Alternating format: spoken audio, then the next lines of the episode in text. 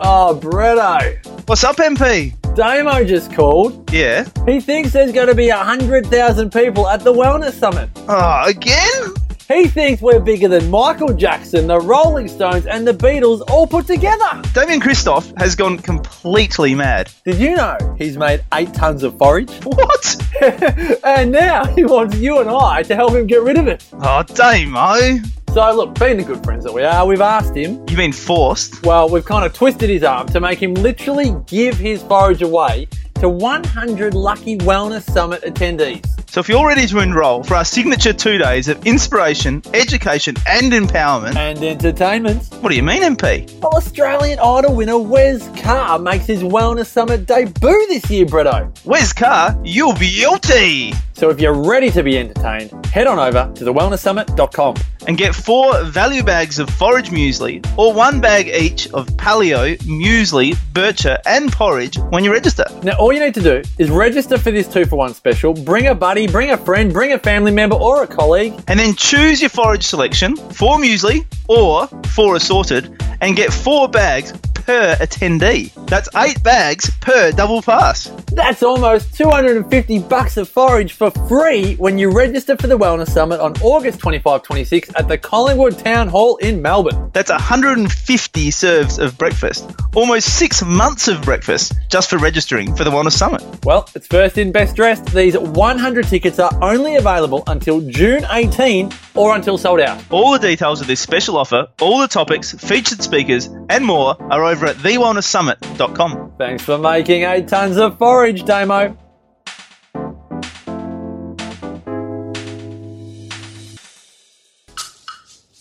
TheWellnessCouch.com, streaming wellness into your lives.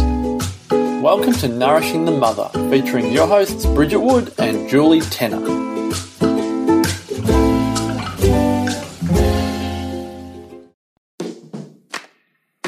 Before we get started today, I'd love to introduce you to our new podcast sponsor, which is Fire Tonic.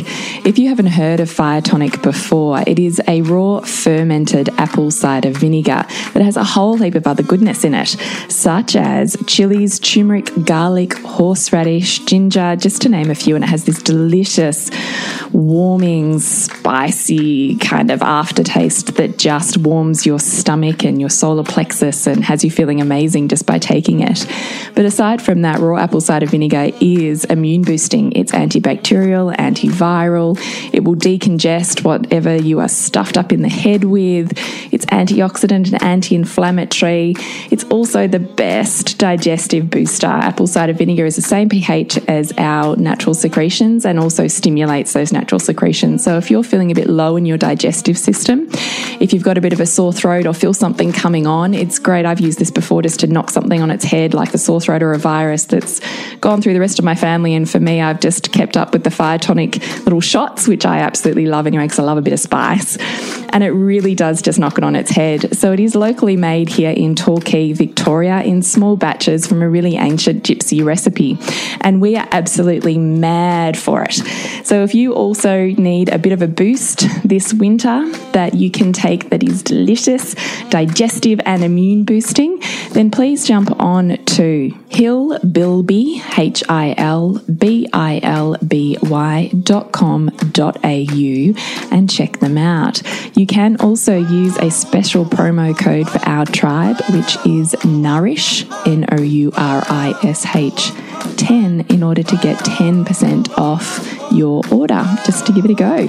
Bridget and I use it, it's on our counter all the time. So head on over to hilbilby.com.au forward slash discount forward slash nourish 10 to get your 10% off and start loving on some fire tonic. Hello and welcome to Nourishing the Mother. I'm Bridget Wood. And I'm Julie Tenner. And today's podcast is Toxic Mothers, which is in response to a listener's question. Before we get there, I'd love to remind you to jump on to nourishingthemother.com.au and sign up to join our tribe. Once a week, we will send you an email with links to everything we've put out in the world and a little photo or wrap up of one of our weeks, which is mm. just always nice to share. And occasionally, we'll send you another email that might be a conversation Bridget and I have together or something that's happened in our family life that we think might be of interest to you as a woman on a conscious path. So join up to nourishingthemother.com.au with your email address and we can stay in touch during the week. So, toxic mothers. So, this is this idea that perhaps your own mother um, was was somewhat toxic or a toxic person in inverted commas, um, and what that's really framing them as is, is is almost like a dysfunctional mother or a mother perhaps who was a narcissist or who just wasn't able to mother in a way that you think that she should have, uh, and there's a fractured relationship or or a um, painful story um, as a result of that relationship. Um, and there's, I'm I'm really mindful of, of the the labels and the judgments that that are in that. Um, what would you say, Jules? Look, you and I have hashed out this whole toxic people thing before because you do hear a lot of just eliminate the toxic people out of your life, just cut them off and shut them out and get rid of them and toxic people are no good for you. Mm. And I guess I say it with a bit of humor because if you are the universe, you can't run from yourself. Mm. And the more you run, the more you will run into yourself. Mm. And ultimately, everyone is a projection of you. So you can only see in another person what you yourself already have within you. So, you know, you can have this demonstrated by you could look at any of your friends and pick something you love about them. And that's just a quality that you have within you that you're not consciously bringing to the forefront and you're asking yourself to step up to. So you admire mm. it in someone else. The things that piss you off about that person might not piss your friend off about them because it's your projection and your trigger. Mm. It's not their projection and their trigger. And we mm-hmm. get upset by people based on our own story and experiences and beliefs. And the universe very kindly brings them up to us to get us to face them, you know, like slap, pay attention, slap, pay attention, slap, you know. And so this is actually what a toxic person is. They're an unowned aspect of us. Now, I know that can sound a little I don't know, kind of out there or, yeah, yeah, yeah, we're all one, blah, blah, blah. But you really start to see this pay attention when, you know, you can have an interaction with someone, you go, my God, that was infuriating. And your partner can go, eh, Mm. that's fine. Which is almost more infuriating because you're like sharing my frustration here. Yeah. Yeah, But- totally, But, that's right? just such a prime example of that whole thing is that different edges, different, you know, different triggers, different disowned parts. So what's pissing you off is very different to what would piss them off. Yeah, totally. So when we're talking about toxic people, it's almost one theory of thought would be be around the people that irritate you the most in order to grow the mm, most. Mm. So as opposed to eliminating them, you probably want to hug them a little closer. Mm. No, I realize that's incredibly painful and is multifaceted and layered when we're talking about a relationship such as the mother relationship. And I do really understand how much harder that is to embrace. Like it's that old saying, you can't choose your family, but you can choose your friends, right? Yeah. Yeah. And because it seems harder to love our family than what it does to to pick the people that we want to spend the time with. But there's no accident that we have the family that we have. No, not at all. And they're there to rub those edges so that we can grow. So, you know, I don't know where to go from here, but one person I, I'm still, but I'm. Uh, I've, you've, still, you've still got me back at toxic people because I think that there is merit in still laboring the point there because I think people can just skim over and go, yeah, but but she did this and, and she's like that and she always does this and you know, yeah, I get that. But that's also so much part of a story that we all build up in our minds to make people a certain way. And I think about a story that I read about Donald Trump, um, and that he is in fact a manifestation of the broader collective unconscious. So the more that these liberal, um, you know, progressive thinking people disown the parts of themselves that are racist, redneck, black and white, backward, um, selfish, the more that those parts become collectively disowned by a large enough population, the more they can be manifested in, you know, in someone as powerful as Donald Trump. I mean, there's no accidents there either. And so I think that this this whole toxic people thing happens in our you know immediate world and it happens in the broader society in which we're part of and the broader world that which we're part of. Um, and so i think that it's important to look at it in that in tho- those two different contexts as well to see how that plays out. What do you think about toxic mothers? toxic mothers i think is is almost more loaded because we have so much story around the ideal mother and the perfect mother and how a mother should be. And and when a mother doesn't fit that mold, doesn't fit that projection, there is so much that comes up um, around grief, loss, judgment, pain, um, that sense of um, that you're maybe owed something because your mother didn't mother you the way she should have, or didn't provide, or didn't listen, or didn't care for you, or, or all of those things the way that she perhaps should have, based on an ideal that you've got around how she should have been. And and I think that that is probably one of the most pervasive um, ways in which that toxic label can be can be put on someone because if you think about the power of like this mother wound which it's also tied into mm. that gets handed down generation after generation after generation. I mean we, we have these epigenetic you know lineages of pain and trauma mm. attached to these maternal lines. And so mm. that is also deeply tied into the wounding that we can feel around um, this the mother that we think we should have had. I think that was definitely me. I'd built up this pedestal of what a mother should be, which I then, when I became a mother, held myself accountable to and realized I fell vastly short. And uh, I think that would doubly, um, I would spiral doubly as quick into pain and guilt and shame because I felt like I was letting myself down as much mm. as my children. Mm. So it was this kind of double edged thing. And as you know, I've had more children and, and grown into my motherhood, I've really challenged who the perfect mother is mm. and realized that there was no way my mother could ever and still could ever live up to that live up to that mm. because she had to be all these things in order to meet my needs wholeheartedly. yeah And all those things didn't exist in one person mm. and couldn't exist in one person. And if I wanted that one thing in this perfect existence of nurtured, nourished childhood, then I would not be who I am. Mm. And therefore I'm I'm in a way being ungrateful for the perfection of the experience that I had. Because and the and the perfection of who you are. Right. Mm. Because we are who we are because of and in spite of, mm. which is still because of mm. the mother that we had. And to wish that they were different is to wish away who you were or are. Because you would not have the value that you have on the path that you have chosen if you had a different upbringing. Um, and I just think that's a really powerful point to realize that there is not only one majesty in the way that you were treated or not treated as a child, that there are, are lessons and life giving affirmations that you take with you for the rest of your life. So, for instance, I can speak of my experience because I don't know our listeners' experience, which is, you know, I had a narcissistic mother which I know is very much part of our, there's quite a few in our tribe that have had what we would class as a similar mm. experience.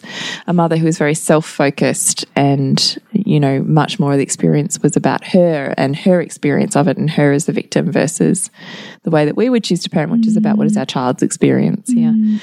And it would be easy for me to, when I did for years and years and years and years, judge how she had hurt me and how she had failed me. But where she'd failed, where had she succeeded? And she had succeeded in teaching me to be incredibly self sufficient mm. to the point where, and it, look, it could have gone either way, but to the point where there's nothing that I won't dive in and do if I want to do it or if I have a desire to achieve it or a goal that I want. You ask anybody who knows me, and if there is mm. shit that needs to get done, I'm the person who does that. Mm. And if there's a goal, it doesn't matter how big that goal is, I'll get to that goal. Not a, there is not a fiber in my body that does not doubt that if I have a goal, I will get there. Hmm. And thank God because I freaking love that about myself. yeah that's a pretty And the awesome older I get, the more I realize how rare that is. Hmm. Who do you think gave that to me? Hmm. My mother. Because she sure as heck wasn't doing it for me. So if I wanted or needed something, I had to work out how to do that for myself. And I did it. Yeah, that's powerful, isn't it? So powerful. You know, like we, we hear so much about how to build resilience and, and how to raise a growth mindset and all of this, you know, perfect parenting kind of how to figure that stuff out. And your mum kind of gave it to you in a rather backhanded way, but she gave it to you, right? I wonder, I wonder sometimes how those sorts of um, the way that we're consciously parenting, how what that ends up turning out like. Mm, I don't mm, know. Mm. I wonder though, what is the definition of resilience? Yeah. And how is it fostered? Because it's not fostered in over support. No, it's not. So I, I do wonder that. You know, and, and my toxic mother, who was, you know, bipolar and she was up and she was down and she was emotions of a thousand different shades within the space of an hour. You know, that was horrendous growing up. And I never knew where I stood and I was always on eggshells. And sometimes she would snap into the most violent, horrendous rages.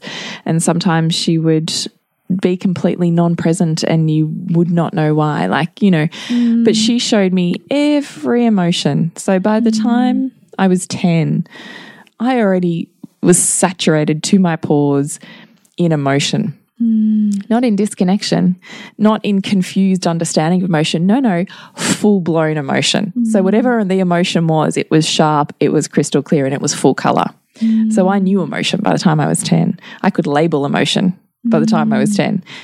And what do you think I've spent the rest of my life dealing with? Emotions. Yeah. Thanks, mum.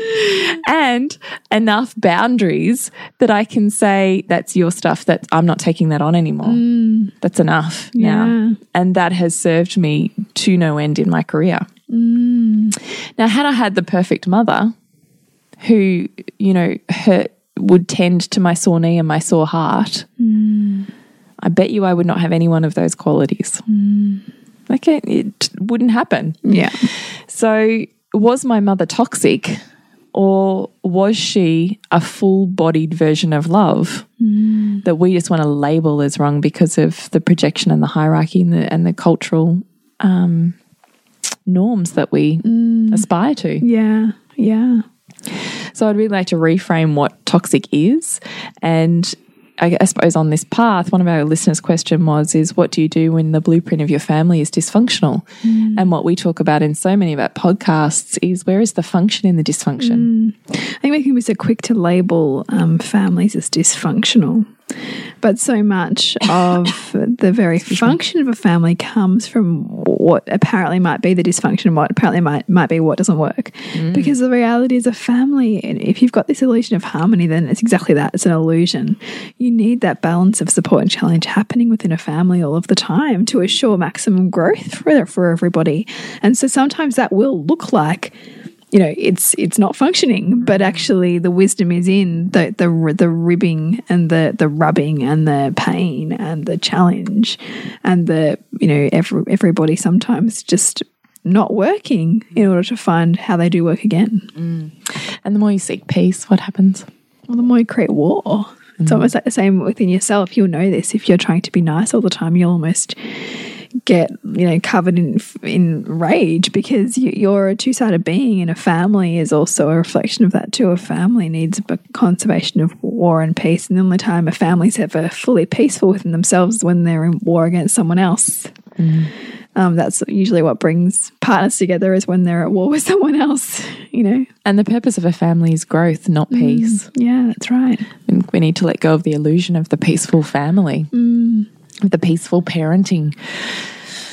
Because the whole purpose of the toxic and the dysfunction has its function in mm. growth. Mm. Because we are a soul who is seeking evolution yeah and we don't grow in over support. and we, and we stagnate when we're not, you know, bringing import, bringing into the family, you know, um, important challenge as mm. well. Mm. So I would love for you to think about the dysfunctional family that you've grown up in and just ask yourself how has that experience shaped your drive for the things that are most important to you now? Hmm. Because there's a function. And what would the drawback be to you if you didn't experience that? You know, what wouldn't you have in your life? Who wouldn't be there? What wouldn't you know if you mm. hadn't experienced those things? I also love this point that you make, Bridget, which is if you don't think that the person who is your mother was, in inverted commas, your mother, mm. who was? Mm. Do you want to So this is, elaborate this on is that? idea that you know throughout our our lives, there's always a mother, father, sister, brother, aunt, uncle. There's those people are always there, but they're sometimes in different forms. So, mm. you know, when your mother wasn't being the mother to you, who stepped in? Mm. So, who provided that mothering role? Maybe it was, you know, a friend's mother. Mm. Maybe it was a grandmother. Maybe it was an auntie. Maybe it was an old friend. You know, who, who provided whatever you see as mother to you at that time because it will be there. It, it'll likely be someone that you weren't looking for as the mother. Mm. And then when we can start to see that, we can realize that we did have the mother. that we thought we didn't. Yeah. Mm. And also, I think it, it just brings us back to we don't have to be everything all of the time for our mm, children. And when we step back, who steps up? Yeah. And that's what I think too, that the richness that as our children grow, what they can experience through their friendships and their friends' mm. mothers, you know, mm. and how those friends' mothers fill the gaps that that we have because we can't be all things. No, wholeheartedly, I feel that. Mm. When it comes to our sexuality, we want to look at the beliefs and the meanings that we've picked up as much as the ones that we've made up about our experiences.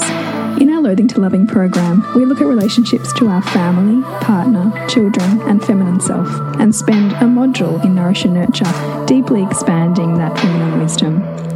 Our sensuality and sexuality course is the next dive exclusive to those who've taken part in the Loathing to Loving program.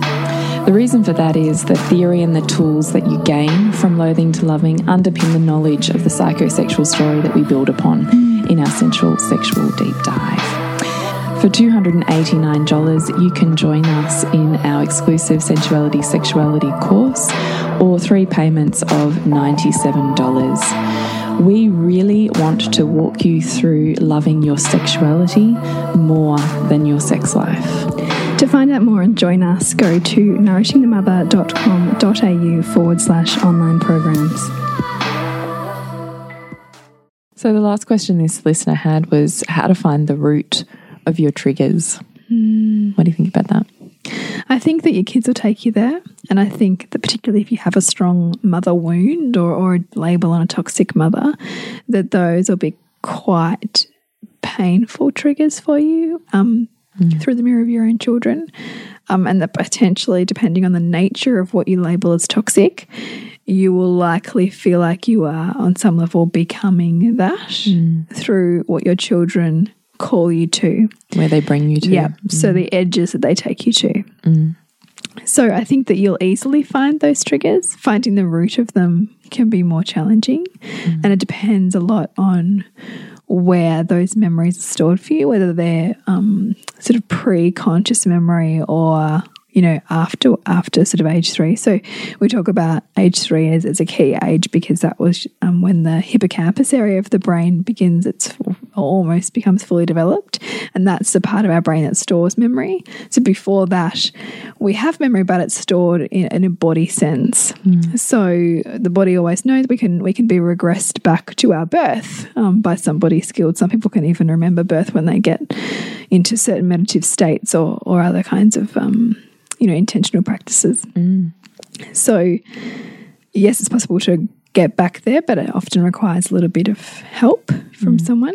Um, but getting to the root of those triggers, you can get there, and it's uh, often about asking yourself, you know, when you're in the trigger, when have I felt this before? Mm.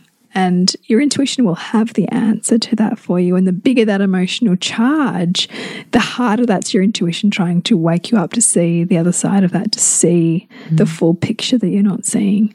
So I would really try to stay in the trigger longer. So really make safe that, um, you know, rage, sadness, whatever that emotion is for you, hmm. by you know breathing into it more, by trying not to avoid it or shut it down, hmm. by just being making it safe hmm. in your own mind, and then asking yourself and holding it as a question: When have I felt this before? And and and having that front of mind and even reflecting maybe journaling after after the moment and really being open to those answers coming. And because every feeling that we get is is a messenger from our past. And so so nothing is new. Uh, there is a root back there somewhere. And, and the more we can have those questions and be present to the answers of those questions the more we're going to unravel what's there for us Mm. I think it's really important when we're dealing with our triggers that we don't make them wrong mm. and feel guilty or shameful for them and kind of stuff them down. Mm. Because the more we kind of tuck them away, hide them in the shameful corner, the more our children will in, encounter response, increase their behavior until the beast is unleashed. yeah yeah that's right It's a really interesting dynamic because are our children in behavior or are they in response to our disowned parts, right? Mm. Like where's the mm. them and, and the us? Yeah. This is the whole thing of, of a dynamic and none is more dynamic than the Yes. mother child dynamic. absolutely So, you know, I really find this fascinating is when, you know, I mean, I've certainly, I certainly do it as well. I can be like, oh, I don't want to deal with that emotion right now. And I tuck it away. Mm. But sure enough, one or many or all of my children will do things until I get back to the point of that mm. emotion, which will be heightened and more, you know, um, I don't want to say aggressive, but more intense than what it was back mm, then. It's yeah. like the lesson with the feather or the brick or the sledgehammer, right? the more you've shoved it down the more it's like yeah, the the more they keep stacking their behavior until it gets to a point where it's like, rah, because your body is always trying to come back to a place of mm. homeostasis. Mm. And so unconsciously we will be manifesting and co-creating situations in which we can bring ourselves back to homeostasis. Mm. And It's almost like, you know, you, reflect back into like, why did I lose my shit so quickly just then?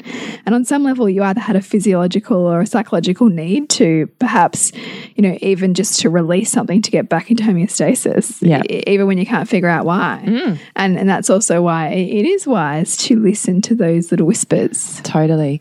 And I also think we're not in a culture that allows us or teaches us how to move emotion. You know, like we're really not. We are not comfortable. It's really, I think it's really in its infancy. And now, in, you know, there's an awareness with children about labeling emotions, but Totally. it, but it's, you know, it certainly wasn't around when we were kids. No, actually, it's funny. I was just having this flashback as you were saying that. I've been to a couple of funerals lately, and um, well, I'll just contrast a couple of experiences. One of my friend's mothers passed away, and she had her children in there. She has three children, reasonably similar ages to mine. And her youngest daughter, who's I think grade one this year, was quite close to her grandma. And mm. so they passed, they went into the hospital to just be with her as soon as she passed. So her body was still warm. They were having time grieving mm. with her, which I actually think is a really cathartic process. Mm. So her two kids were cuddled up on the bed next to their nana, just crying their little hearts out, sobbing away. And they're in a um, palliative care ward, can I just say? And the nurse came in and, and said to my friend, You need to um, tell them to stop crying because they're being too loud. Wow. And I just thought, wow, how uncomfortable are we with grief? Versus, I went to the funeral of a friend from um, an Italian background, and you know that certainly the nonnas were wailing, like mm. just a full-bodied wailing release. And I thought, mm. how healing is that? Mm. Because you see that in certain cultural Yeah. Yeah. um, places that there's this real understanding of the need to just Release. release. and that that is the whole purpose of ceremony is to create you know to give form to the formless to create a moment that we can connect to physically and put that mm. that's what a funeral is and yet i was at this funeral and there was I happened to be standing next to um, an older, um, I'd say Australian couple, and she was commenting on how it was so unusual to have children at a funeral. And back in her mm. day, children would never have been allowed at funerals. And yet, this funeral had a a lot of mm. children at it. And I just thought, wow. That's that's huge, right? That now we're really we're progressing in terms of showing children a way through mm, grief, mm. but we're still not there. I think it's also, you know, it begins even with um like teaching children about like life cycles of plants and life cycles of animals. And it's a natural thing to be able to see life cycles of people and humans and life mm. to appreciate the depth of life and the the gift of life Absolutely. I think it's incredibly a beautiful blessing moving with the seasons and having those discussions and having pets and facing mm. death and birth and, mm. you know, all of those hard conversations with our kids. Mm. But it does just bring me back to how safe is emotion for us? yeah How safe do we make our experience of being able to release? Because emotions are only a problem when they're stagnant and stuck. That's when they create disease. And I also think, actually, that's the other point, that's the other place my brain went before when you were talking was our bodies remember what our minds forget. yeah And we never really forget anyway. We just don't consciously recall. Mm. But nothing is forgotten. And our body is always a place to access that. And we've lost the art form of movement. Mm. Not all of us, but, you know, as a large culture, you know, we know we have the response of shaking to trauma to release. Yeah yeah. You know and yet we we don't have that association to it yet as being healing as opposed to traumatic. Well yeah it's almost this desire to get away from it. Mm.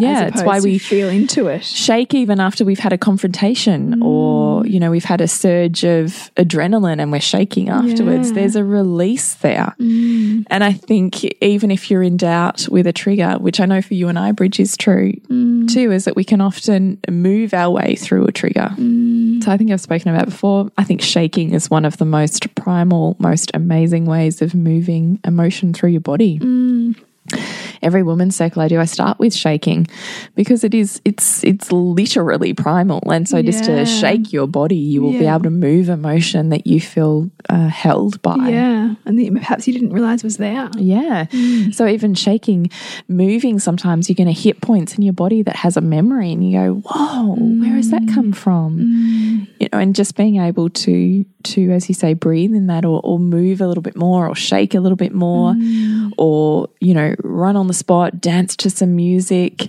wail and scream. You know, like I just think there's a way to release, knowing that it's a wave that washes through you, and you'll get the answers on the other side. yeah just being willing to stay with it Yeah. Mm. And I think the other thing is for our really big triggers, I don't know that we ever totally get to the super bottom of them. No, I don't think we do. And I think there's a reason for that because I think that on some level, those triggers are useful for the evolution of ourself. Mm. And to get rid of it or to unpack it completely would be, you know, perhaps in some of the disintegration of, of, mm. of, of who we've built ourselves to be. What do you mean by that? Can you expand that out a little? Well, like, you know, if you think about our identity is so much formed by these triggers in relationship to what our voids are or, or what we most perceived was missing growing up or, or even at birth. And we then spend our lives seeking to fulfill that, that to lose the trigger or to get to completely unravel the trigger to make the trigger gone.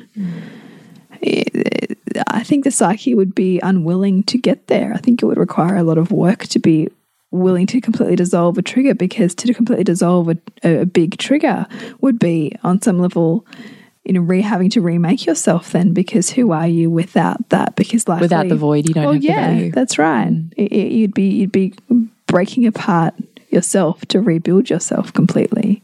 Because the mm. biggest triggers are often the things that we bury the most, mm. but that are also what's keeping us going for what we're going for in life. Mm. Is there anything else you want to say before we wrap up our response to toxic mothers and what to do when you haven't had a, a wholesome blueprint for a family? Mm, I think it would be really to just try to bust that fantasy a little bit more, and in terms of what you think, like, and really understanding what, what how do I think it should be? Is that a fantasy? You know, am I trying to make my mother into some perfect person that she should have been? Or what? But the drawback is to me in my life now. Had I had that, because if I'm stuck in in this feeling of of this toxic mother, then I must be thinking that I'm lacking in something and that that I'm not okay because she was like that. But it's really about what would be the drawback if if she was everything I thought she should have been. Mm. What would be, who who would I be then? And and What would no longer be in my life? yeah, mm. yeah. to really start to bring awareness to what you're not seeing. Mm. And I think there's nothing like finding the root of your triggers by being in the presence of that very person. yeah, absolutely. For everything, everything that uh, yes, it's the best thing to do. It's painful, but but it's Yeah. so so useful. is just to go into it almost like a practice, like a meditation, is I'm going to practice awareness of how my body feels. and just for that reminder of like this is not that person. This is my response to that person. This is this is my feelings, not that other person's. Hmm. To take more ownership of that. Hmm. It can be really courageous to do. well, there's a whole lot of freedom in that But as yes, well. there is. Hmm. a whole lot of freedom because you're not held by your story anymore. And therefore, you're not held by the judgments, the prejudices that you bring into your life now because you can see the perfection in them back then. Yeah. There's a whole lack of freedom in that. So we would love you to connect with us on nourishingthemother.com.au, Nourishing the Mother on Facebook and Instagram. Thank you so much for listening, for your emails, for your responses, for your beautiful messages. It really does touch our hearts. And we would love you to come join us for Loathing to Loving, particularly if you've got a toxic mother story. It's, you know, it's mm. really, there's usually a huge mother wound on Yeah. most people that choose a conscious parenting journey. So to Yeah. really have the opportunity to, to dive deeply into flipping your perception can be life changing, mm. can create enormous It freedom. really it certainly did for me. Yeah. So you can find out more about that at nourishingthemother.com.au forward slash online programs. And to connect with you, Bridge, Suburbansandcastles.com and to connect with you, Jules. is thepleasurenutritionist.com. And nourish the mother to rock the family. And we'll see you next week when we continue to peel back the layers on your mothering journey.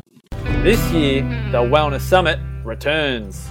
For those of you on your own health journey, you know that a lot of times it's two steps forward, one step back, and you think you're doing well, and then something else pops up. It's like um, always, you're always learning. It's just a, it's not something that just happens overnight and suddenly you're well. If I actually had been so wrong about this really important thing in my life, what else was I wrong about? And it got me down this, uh, this place of questioning all the concepts that I had. And then I came to one question, which was, who am I beyond concept? When I was a little kid, I really always had trouble with food intolerances. I realised that there was a lot to be said for the way you eat. You come to the same place that I came to, and it's a place of complete freedom. Jo Whitton and Fuad Kassab feature at the 2018 Wellness Summit. Bigger and better than ever. Tickets on sale Friday, May 4 at thewellnesssummit.com. This has been a production of TheWellnessCouch.com. Check us out on Facebook and join in the conversation on Facebook.com forward slash The Wellness Couch. Subscribe to each show on iTunes and check us out on Twitter. The Wellness Couch, streaming wellness into your lives. Whilst the Wellness Couch presenter endeavor to provide accurate and helpful information to their listeners, these podcasts cannot take into account individual circumstances and are not intended to be a substitute for health and medical advice from a qualified health professional. You should always seek the advice of a qualified health professional before acting on any of the information provided by any of the Wellness Couch podcasts.